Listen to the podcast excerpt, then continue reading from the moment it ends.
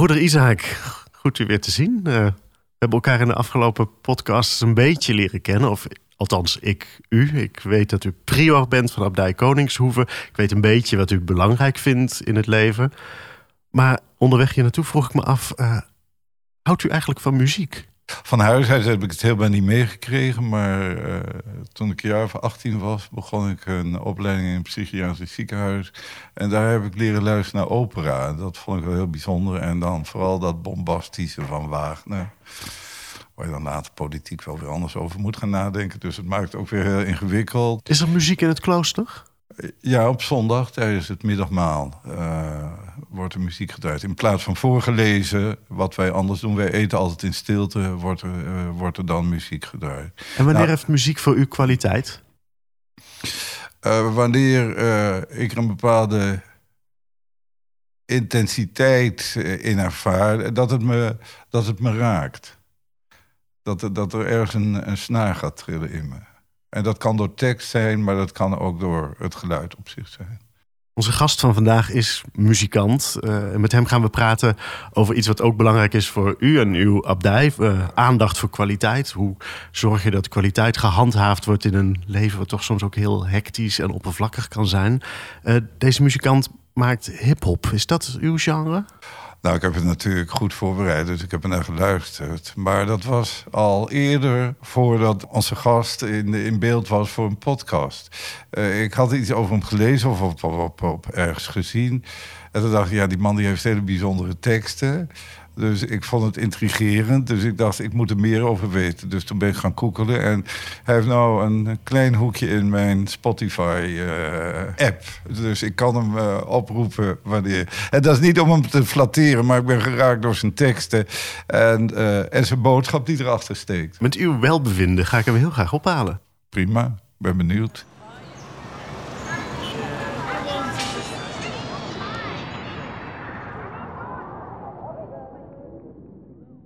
De stilte.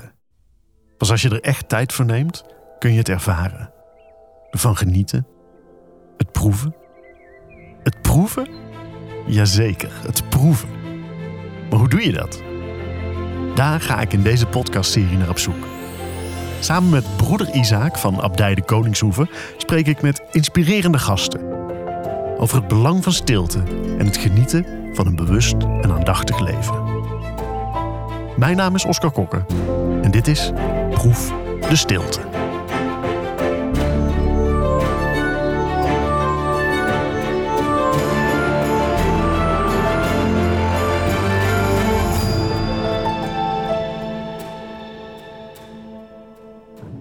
Hij werd geboren onder de naam Imro Glenn Dubertus Emile de Randami, maar iedereen kent hem als Typhoon. Hij is muzikant en verkocht talloze albums, bereikt een enorm publiek met zijn muziek en heeft een indrukwekkende prijzenkast. Maar meer nog dan dat is hij een inspirator die zijn verbindende boodschap in en buiten zijn liedjes deelt. Alles heeft een reden en het voorgaande is de reden waarom wij heel blij zijn dat hij te gast wil zijn in Abdij Koningshoeven. Hallo. Hey. Goed je te ontmoeten. Ja, zeker weten. Hoi. Hoe is ie? Ja, gaat goed. Ik, uh, ja, lekker. Eindje rijden, maar wat een prachtige plek is dit, zeg. Precies, ja. Wat, wat, beschrijf even, want mensen luisteren, hebben geen idee geen waar we idee. zijn. Vertel eens, wat zie je? Uh, alsof je uh, bij de school van Harry Potter bent, zeg maar. Gewoon kasteelachtig, zelfs een vijver in de vorm van een hart. Wat, wat mij dan weer helemaal blij maakt ook. Ja, want ik praat met een man van de liefde, toch? Ja, ja, ja, ja. Ik mag hopen dat jij ook een man van de liefde bent. Nou, zeker. En deze ontmoeting gaat vast en zeker iets moois opleveren. Zo'n abdij, klooster, religie, daar heb je ook wel iets mee, toch? Ja, ik heb religiewetenschappen gestudeerd op een blauwe, blauwe maandag op de UvA. Uh, maar eigenlijk mijn hele artistieke leven, maar ook leven daarbuiten, uh, altijd in ontdekkingstocht en, en, en zoektocht naar wat dat nou daadwerkelijk betekent. God, liefde, leven, mens zijn. Dus ik vind het heel leuk om vandaag ook uh, met een monnik uh, te gaan, uh, in, in gesprek te gaan. Ja, met heel veel liefde neem ik je mee naar binnen. Nou, heel fijn. Kom je mee? Yes.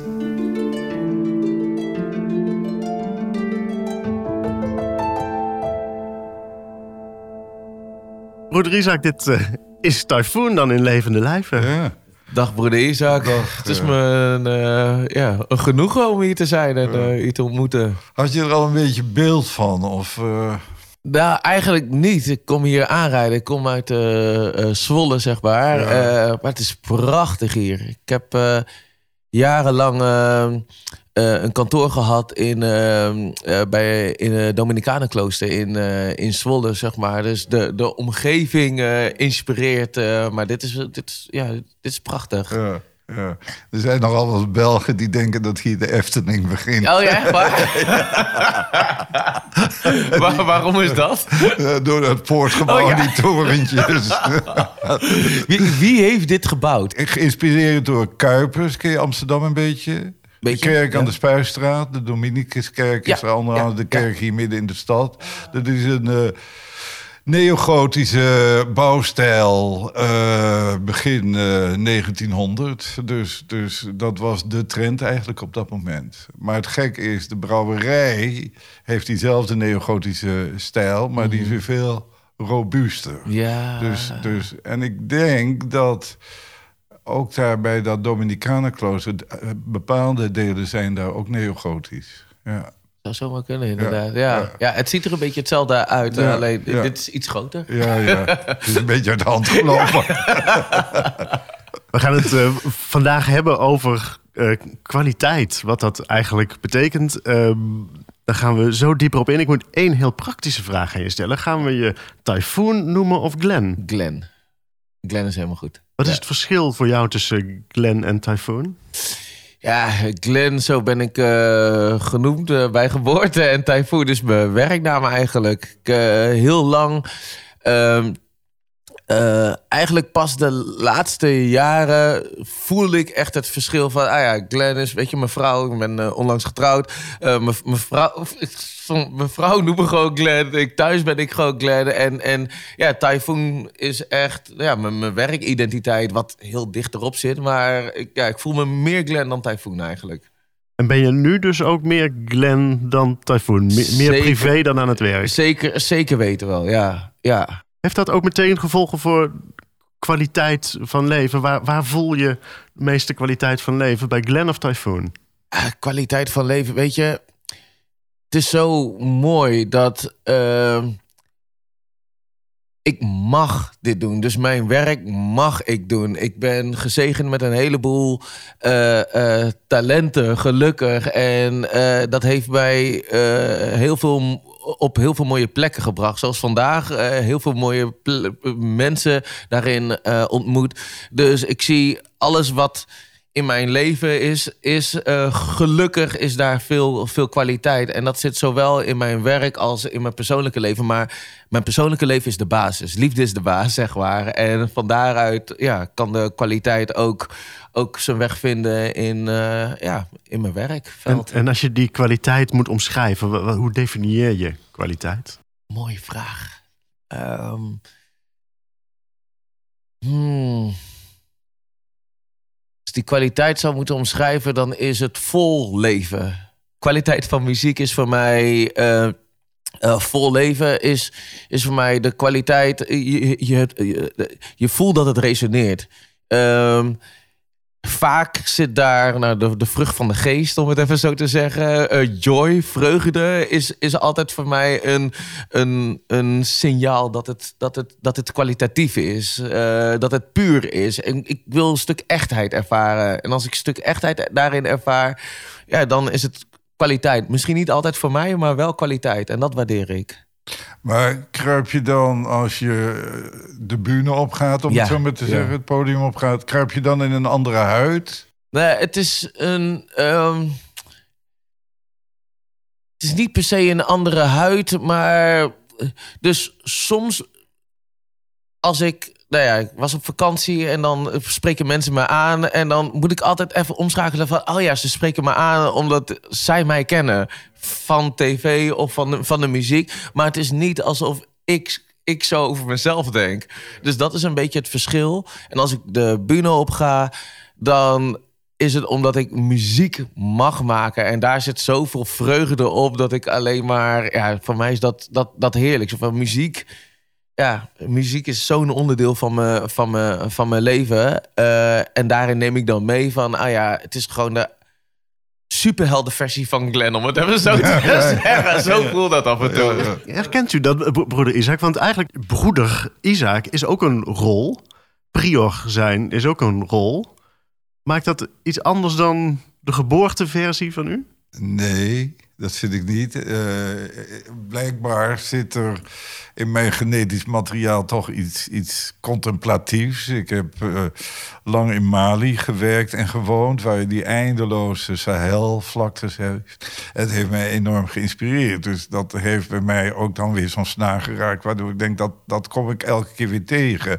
Ik vind, daarom vroeg ik even net aan Glenn van hoe zit dat dan als je het podium opgaat, trek je een andere huid aan? Ik trek elke ochtend dit habit aan. Ik heb ook nooit geen keuze. Dus ik sta niet eindeloos voor een kleerkast te zeuren van wat moet ik vandaag aan. Het is elke dag hetzelfde. Dat lijkt heel vervelend, maar het is ook zo simpel en eenvoudig. Want ik hoef, ik hoef niet te, kiezen. En dat geeft ook heel veel vrijheid. Ja. Eh, monnik ben je 24-7. En of dat je dat op een bepaald moment als prior invult en dus leiding geeft, of eh, dat ik in het gebed, eh, in de gebedstijd sta, of, of dat ik een, een kapitel voor de broeders geef. Het blijft diezelfde Isaac die dat doet. En die verschillende facetten heeft, maar dat, dat basisprincipe, ik noem het altijd maar het, de core business, blijft monnik zijn. En dan krijg je waanzinnig eh, verrassende dingen, want ik, ik volg dan nog een, een, master aan de UvA in Amsterdam. En gisteren liep ik terug van een college en ik ga gewoon altijd in mijn habit, want ik, ik was vreselijk boos over het feit dat bijvoorbeeld mensen die Jood zijn... niet met een keppeltje durven te lopen in Amsterdam. En dat vind ik echt schandalig. Dus ik blijf gewoon in mijn habit. En een man roept mij van mijn terrasje... kan ik even bij u biechten? Dus ik ben even bij hem gaan zitten. En toen zegt hij, wat ziet u er mooi uit? Nou, dat vind ik dan schattig om dat te horen. Maar toen zei hij, en wil je nou een wodka met me drinken? Ja. Ik zeg, nou, zo ziet de biecht er niet uit. Maar daardoor heb je zulke grappige en bijzondere contacten. En, en, maar toch altijd vanuit je zijn... Dus, dus ik, ik voel het niet dat ik overschakel naar andere rollen. Maar, maar zoals Glenn het noemt, de superkrachtversie, de superheldenversie. Geeft dit wel de extra power? Nee, wat mij superpower geeft is... eh, nou, dat we gisteren de eerste vluchtelingen hebben opgevangen. En dat ik denk, jongens, wat zitten we weer te trutten in Nederland... voordat we het georganiseerd hebben. Pak het aan en doe het gewoon. En dat vind ik de power. Mooi. Ja. U, u zei, eh, ik hoef niet te kiezen en dat geeft me heel veel vrijheid. Ja. Eh, dat eh, lijkt een schijnbare tegenstelling, vooral in deze tijd. Maar dat, dat ja, die, die, die, die pakt me wel. Kan u daar, daar iets, iets meer over vertellen? Want daar hoor ik ook kwaliteit in. Eh, nou, er zijn een aantal. eh, We hebben, eh, we hebben dus een vrij strak dagschema. Waarbij waar, zo vaak met, met groepen die daarover vragen, die vallen erover. Je zit in een vaste structuur en het is een soort dwangbuis. Ik vind het dus niet, want in onze regel van Benedictus staat: als de klok luidt, mag je geen punt meer op de i zetten. Met andere woorden, dan word je naar de kerk geroepen en dan ga je gewoon. Ja.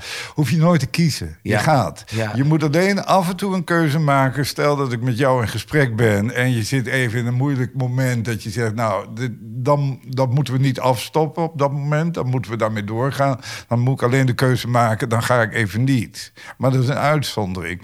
Dus ik hoef dat nooit te kiezen. Dat geeft heel veel ruimte. En in de samenleving ben je de hele dag aan het kiezen, et, et cetera. En natuurlijk moet ik buiten die gebedstijden om veel kiezen... zoveel tijd naar die brouwerij. eh, we zijn heel veel met vergroenen bezig, et cetera. Maar het toppunt eh, voor mij van, van, van die kalmte en dat evenwicht... is gewoon op je handen blijven zitten en niks doen. Heerlijk. Glenn, ja, ja, haakt aan op dat woord keuze en wat dat met, met iemand doet. En hoe dat kwaliteit in je leven geluk misschien toevoegt. Ja.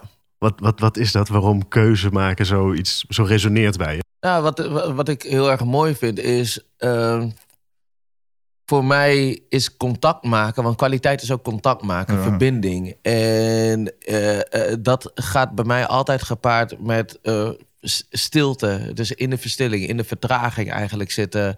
In niet per se iets te willen of moeten. Er wordt wel eens gezegd, uh, geluk zit hem in, tussen twee gedachten in. Uh, net als de muziek zit hem tussen twee noten in. Uh, je hebt verschillende variaties op dat thema. Maar het zit altijd het even niets moeten, het even niets willen. En het gebrek aan die keuze uh, het gebrek aan keuzes geeft vrijheid, geeft openheid. Zo van vrijheid staat, is, uh, is on behalf of uh, um, grenzen. Dus een bepaalde begrenzing geeft juist ook vrijheid. maar dat is niet per se wat de wereld ons vandaag de dag vertelt. En daarom vind ik het zo verfrissend. wat zo, vertelt de wereld van nu dan? Ehm, meer, meer, meer keuzes. Keuzes geeft vrijheid. En ik, ik snap waar het vandaan komt. Hè? Um, want op het moment dat je, nou, een heel stom voorbeeld als ik heel lang in de clubs, uh, in de clubzalen speel, dan wil ik weer naar de festivals toe.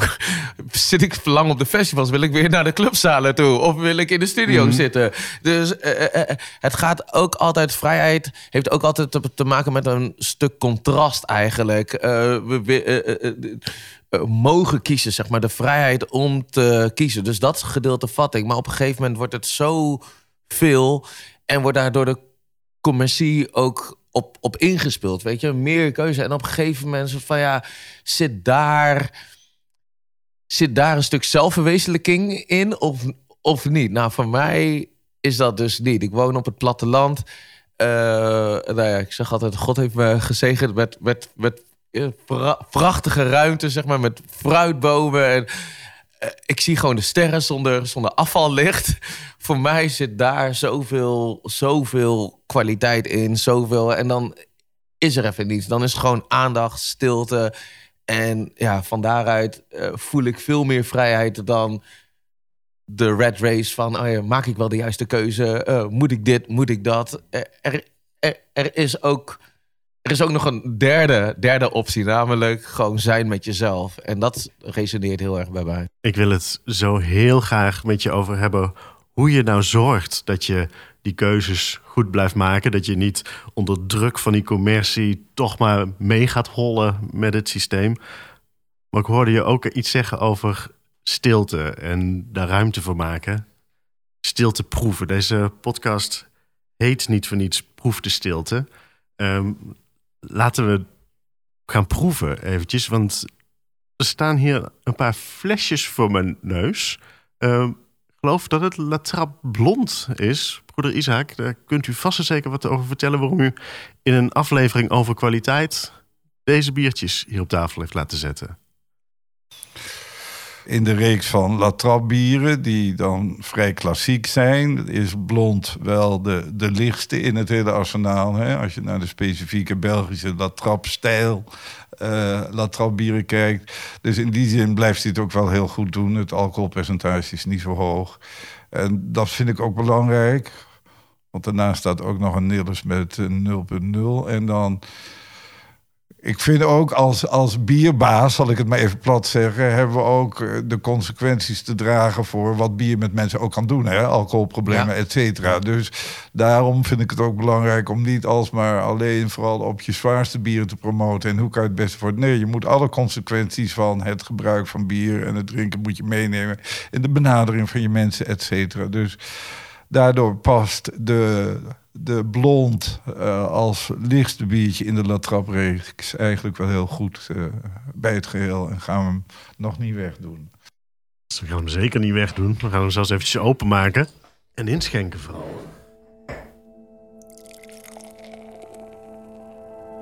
Het motto van La Trappe en de Koningshoeve is proef de stilte. De stilte is een manier om te genieten, maar ook om te bezinnen. En daarom onderbreken we deze podcast niet voor reclame, voor een momentje stilte. Waarin we genieten van La Trappe Blond. En ons ook even kunnen bezinnen.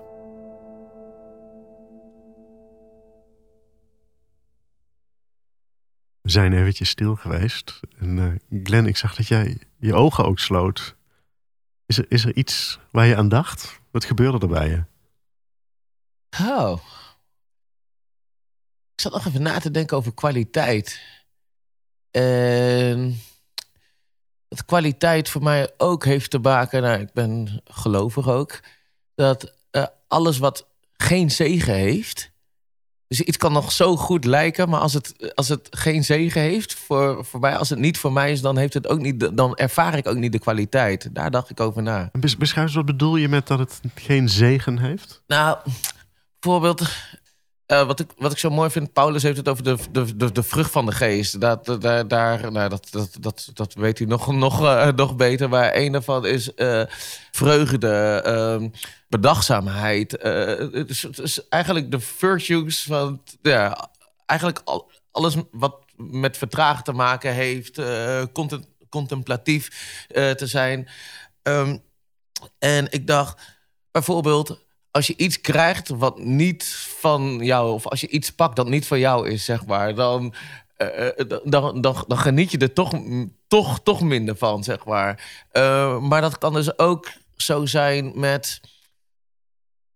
Um, stel, ik krijg een hele goede offer, maar ik voel ergens dat het niet het juiste moment ervoor is. Als ik het wel doe, hoe goed het ook lijkt, dan merk ik toch dat ik niet de vreugde ervan van, van echt, echt van, van ervaar. En op het moment dat ik wel voel, zeg maar, en dat is ja, een innerlijke stem om het maar even zo te zeggen. Uh, mijn hart gaat, gaat, wordt wat warmer, dan weet ik van, oh, hier is de zegen op. En dat is, dat is ook kwaliteit. Dus het is niet alleen uh, met het menselijke oog uh, vastgesteld. Het, het heeft ook te maken met een stukje ja, zegen. Maar is dat dan ook het, antwoord op mijn vraag? Hoe bewaak je nou toch die kwaliteit en hoe maak je die keuzes? Dat, dat, dat zit niet in lijstjes maken en ratio. Dat zit in dat warme gevoel rond je hart? Ja, het heeft voor mij te maken met luisteren. Als je in stilte luistert, dan hoor je vaak veel beter wat voor jou is en wat, en wat niet. Mhm. Zo, zo benader ik muziek eigenlijk ook. Um, als ik in de studio ben, dan, dan neem ik altijd even een momentje gewoon om in stilte te zijn. En daarna luister ik. En dan voelt het, voel ik of het resoneert of niet. En als het resoneert, dan hoeft het niet perfect te zijn. Maar dan weet ik wel dat de kwaliteit er is. Dan, dan is het wel echt. Dan is het wel goed.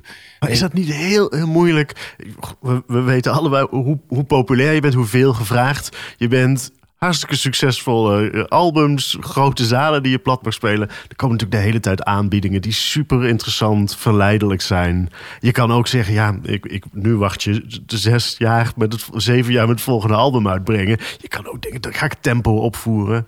Ja, het, kijk, een belangrijk aspect is... Ik, ik, ik, heb gelukkig een team. Weet je wel, ik hoef het niet, niet alleen te doen. Ik denk dat niemand die... Uh, nou, ik kan me voorstellen dat u het ook, ook niet alleen doet. weet je, je hebt, je hebt raadgevers. Ik heb een management. Ik heb mensen bij wie ik terecht kan om... om ja, om om te polsen. Want, want soms kan ik wel denken van, ah ja, dit is goed voor mij, maar uh, weet je, dus soms. Maar zou je in je eentje kopje ondergaan en te, te veel toegeven aan die verleidingen? Ik denk dat ik het, uh, dat ik het heel veel moeilijker zou vinden. Ik heb twee burn-outs gehad, dus ik, ik denk dat de les van die burn-outs wel is beter luisteren en ook veel meer loslaten. Ja. Wat was dat kleine lachje bij ik heb twee burn-outs gehad? Ja, oh. um, enerzijds omdat twee burn-outs klinkt, klinkt ook best wel uh, intens. dat was het ook. Maar ik sta nu op zo'n ander punt in mijn leven dat ik ook zoveel gelukkiger eigenlijk ben. Dus misschien had ik die twee burn-outs ook nodig om op dit punt te komen. Ik ben echt heel veel gelukkiger. En ik denk dat, dat, dat mijn lachje daar vandaan komt. Blessing in disguise. Ja, ik denk het wel, ja. ja. Ik ben wel benieuwd hoe... Uh, hoe gaat uw besluitvorming over grote dingen? Nou, ik wil eerst even, even toch op iets anders reageren. Want uh, zoals je je stiltemoment uh, beschreef, uh, kwam er bij mij ook in mijn stilte iets naar boven. Van, ja, Clan heeft het gewoon niet over cursus, Clan heeft het ook over roeping. Uh, en als jij het hebt over, uh, ja, het moet in mijn hart goed voelen, dat is voor mij geen keuze, dat is een roeping. Dus ik herken bij jou eigenlijk wel iets contemplatiefs van dat er een soort basic in je is, wat je wel helpt, denk ik, om de juiste keuzes te maken. En, en daar kom je wel uit. En ja, je hebt misschien dan twee keer eh, moeten ervaren dat het misschien niet de juiste keuze was. Maar eh, dat heeft je geleerd om terug te gaan naar dat, dat basic gevoel. En dat roept bij mij heel sterk het gevoel van bidden op. Bidden is niet een veelheid van woorden. Het Hmm. is, eh, soms zeg ik, als het niet lukt, gooi maar wat letters in de lucht. En God maakt er wel een gebed van. Dus dat vind Mooi. ik heel... Een, eh, Dat is ook hoe jij je teksten schrijft, toch? ja, ja, ja. dan denk ik, ja, dat zijn eigenlijk allemaal geen keuzes. Ik denk dat die basis van, van een roeping erin zit. En die, die is sterker dan dat jij met je keuzes er overheen kan gaan. Dus wat dat betreft denk ik, ja, dat komt gewoon hartstikke goed. Dat komt wel goed. Nou, mooi. Nou, die steek Ja. ik in mijn zak. Die Ja. steek ik in mijn zak. Maar ja, je vraag was iets anders. Dus zou je die dan nog... eh, Mijn vraag was... eh, ja, hoe, hoe gaat uw besluit, besluitvorming? Er is maar heel weinig democratie. Eh, we hebben binnenkort een abskeuze. En dat is dan het moment dat iedereen die definitief gebonden is aan de gemeenschap mag kiezen. En daarna liggen alle functies weer op straat. Dus die mag zijn eigen team weer gaan, gaan vormen. Dus De abt die staat helemaal aan het hoofd van het ja, klooster. die staat helemaal aan het hoofd van het geheel. Eh, maar ik zeg altijd, wij, hebben, wij leven volgens een regel van Benedictus. Die heeft dat in eh, 653 allemaal netjes eh, eh, opgeschreven. Zo van zo'n club kerels bij elkaar. Voor dames is het niet anders. Dat gaat hem niet worden als je daar niet een beetje structuur in aanbrengt. Eh, dat eh, doet hij dus ook heel netjes. En een van de dingen die ik daar zelf het meest uitlicht is als je eh, overste bent van een gemeenschap, dan ben je dus bewust, of moet je je bewust zijn dat je eh overste bent van een gemeenschap van volwassen mannen. Hm. Het is geen eh kinderoppas, het is geen kleuterschool, het is geen lagere school, het zijn volwassen mannen. Dat moet je voortdurend in je, in je, in je benadering moet je dat meenemen. Maar dat vind ik dus van beide kanten. Eh, we hebben een aantal dingen die, die we niet doen. Dat heeft te maken met die leefregel. Dus ik vind de andere kant, en dat hou ik mijn medebroers ook vaak voor. Maar eh, jullie zijn ook volwassen kerels. Dus je moet ook van een abt of een overste niet vragen. eh, Dingen waarvan je weet dat je hem daar enorm mee in verlegenheid gaat brengen. Of waarvan je weet, daar moet hij nee op zeggen. Dus de, vragen om drie weken Ibiza gaat hem gewoon niet. dat gaat hem gewoon niet worden. Dus dat moet je dan ook niet vragen. Dan moet je dan ook niemand mee, mee gaan belasten. Nee. Dus dat is een soort balans die je met elkaar zoekt en die je daar ook afspreekt. En soms kom je daar niet uit en dan moet je er wel overheen. Dus internet in de vaste tijd, half acht de stekker eruit. Punt uit. Heel goed.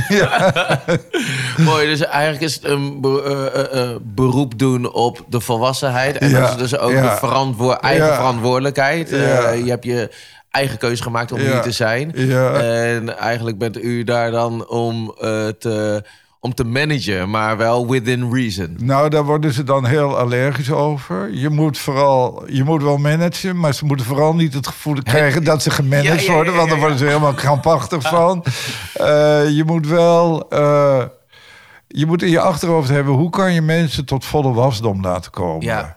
En bij alles hou ik elke keer weer voor van, dat gaat ook in discussie, dat zal je zeker herkennen van, ja, maar hij heeft dit. Ik zeg bij Mm. elke keer als je naar, je- naar, naar die ander wijst, moet je twee vingers naar Ja. jezelf wijzen. En dat is het gevoel. En dan blijven er bij elke mens toch, eh, ja, kinderlijke trekken blijven er over. Daar heb je mee te dealen. Ja. Maar, maar Jezus zei, wees als de kinderen. Hè? Ja, ja, ja, ja. Van gisteren hoorde ik nog een quote van hem die zei: Ja, eh, het christendom is een volwassen religie. Nou, dat is helemaal niet waar, want Jezus focust juist op, op, op, kinderen. op kinderen. Laat de kinderen tot mij komen. Maar dat, dat zijn wij ook. Het kind in ons, dat, dat boort hij ook aan. Ja. ja, dat zie ik wel. Ik zie zo'n eh, zo'n lichtheid over je heen. Zo'n eh, levendigheid. Ja, ik kan het niet anders, anders, anders zeggen. Dat is- is- zal vast niet de eerste keer zijn dat iemand dat tegen u zegt. Nou, dat is wel de eerste keer. Ja, Nee, dat is wel de eerste keer. Wat ik wel grappig vind, wel van...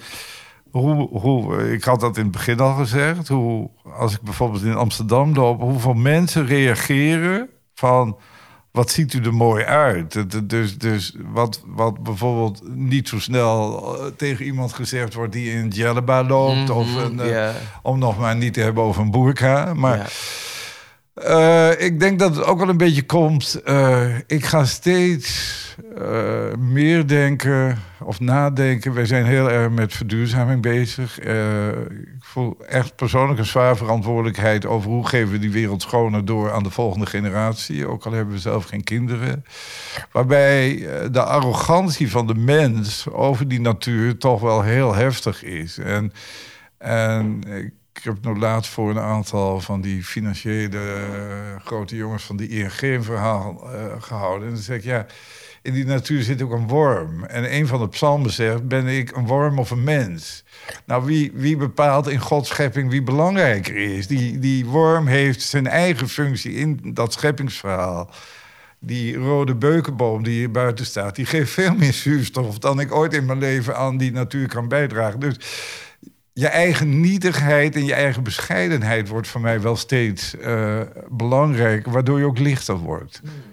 Ik kan me voorstellen, de, de, de lichtheid die jij bespeurt, die zit misschien in wat u al eerder noemde, doordat er maar een beperkt aantal keuzes zijn, ontstaat er een vrijheid.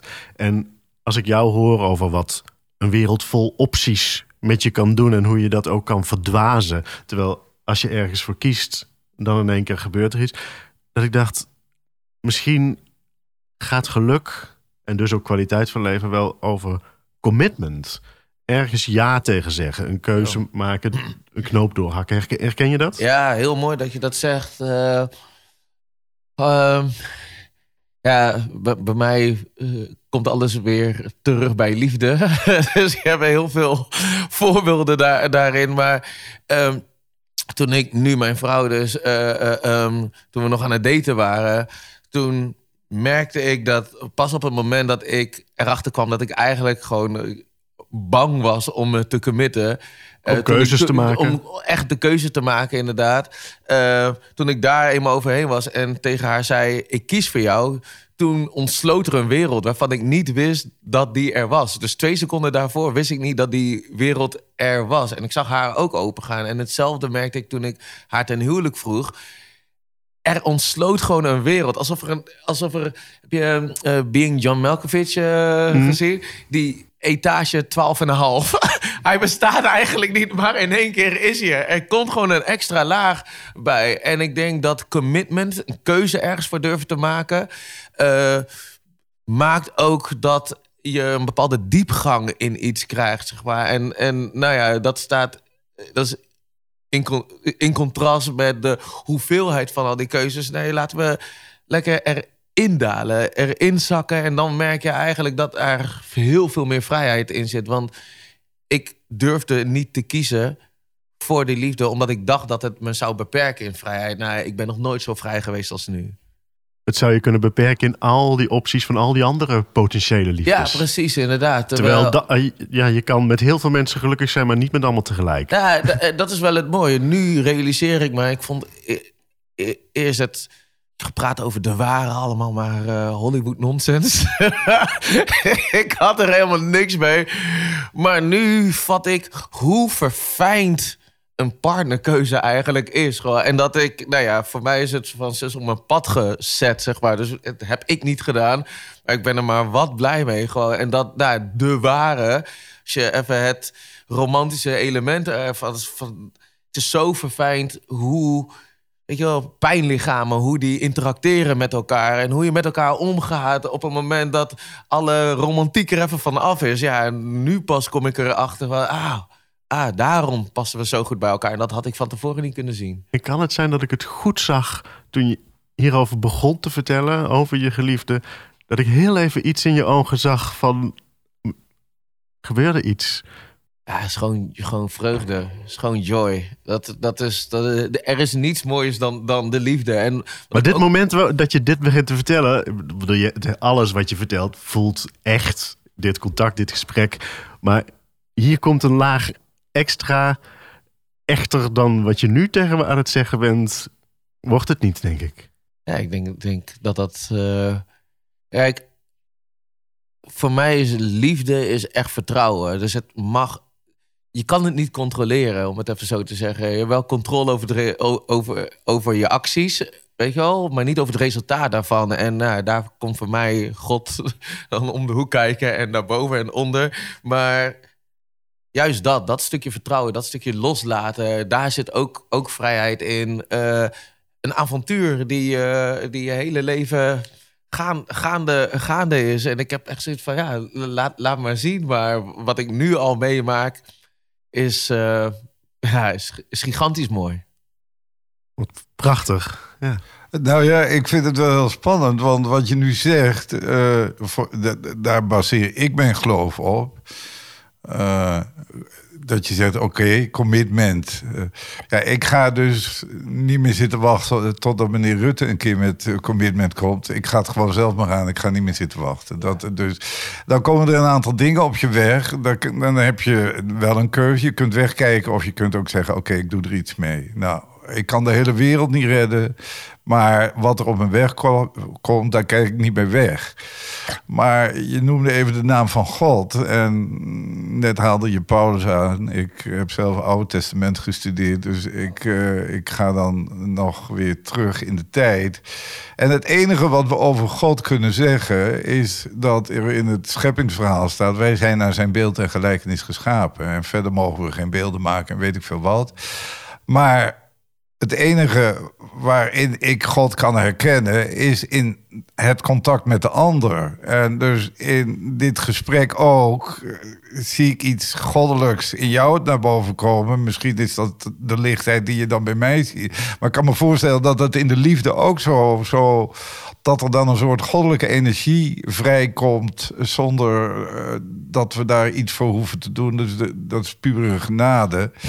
uh, ik denk dat we God alleen maar kunnen vinden als we de ander, de mensen opzoeken en dat dat onze levensopdracht is. Zo, mooi, mooi. En daarin blijven durven. Want wat ik, uh, ik hoor ook wat activistisch in, in, in u, zoveel vluchtelingen hier opge opgenomen. Ik denk dat het heel, heel gezond is. Uh, Rutte zei in het begin van de coronapandemie nog... denk voor jezelf. Ja, Daarna niet meer. ik denk dat dat heel, heel, erg, heel erg belangrijk is. Blijf denken voor jezelf. En inderdaad, op het moment dat je voelt dat je moet handelen... ja, handel dan ook. Ja, ja precies. Eén vraag aan jullie... waarmee we deze podcast elke editie afsluiten. En dat is de vraag naar... waar ben je dankbaar voor? Die wil ik aan jullie allebei stellen. Mag ik hem deze keer allereerst aan u stellen, broeder Isaac? Ik ben dankbaar dat dit vandaag op mijn weg is gekomen. En dit kleurt gewoon de dag. Omdat we een gesprek hebben gevoerd wat ergens over gaat. En niet maar een beetje in algemeenheden hebben zitten wisselen. Maar gewoon in hoeverre kun je elkaar vinden. En dan is hier die leegte waar twee mensen elkaar ontmoet hebben. Daar ben ik dankbaar voor.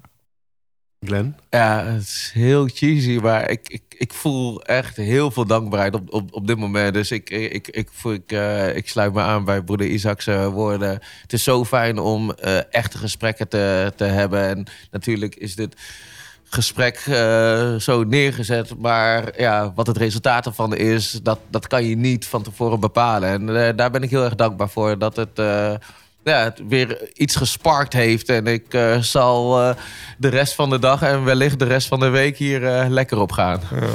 En we hebben het niet uit handen gegeven. We ja. hebben het scenario ja. zelf bepaald. Heel goed, heel mooi. Yes. Ik vond het een grote eer om hierbij aanwezig te zijn. Dankjewel Glenn, Typhoon en dankjewel broeder Isaac. Je luisterde naar Proef de Stilte wil je als eerste op de hoogte zijn van een nieuwe aflevering? Schrijf je dan in als liefhebber op latrap.nl. Deze podcast is een productie van Podcast Guru, redactie door Matthijs Franke, montage en mixage Frederik Middelhof, muziek Toon Vieira en deze stem is van Oscar Kokker. Dankjewel voor het luisteren.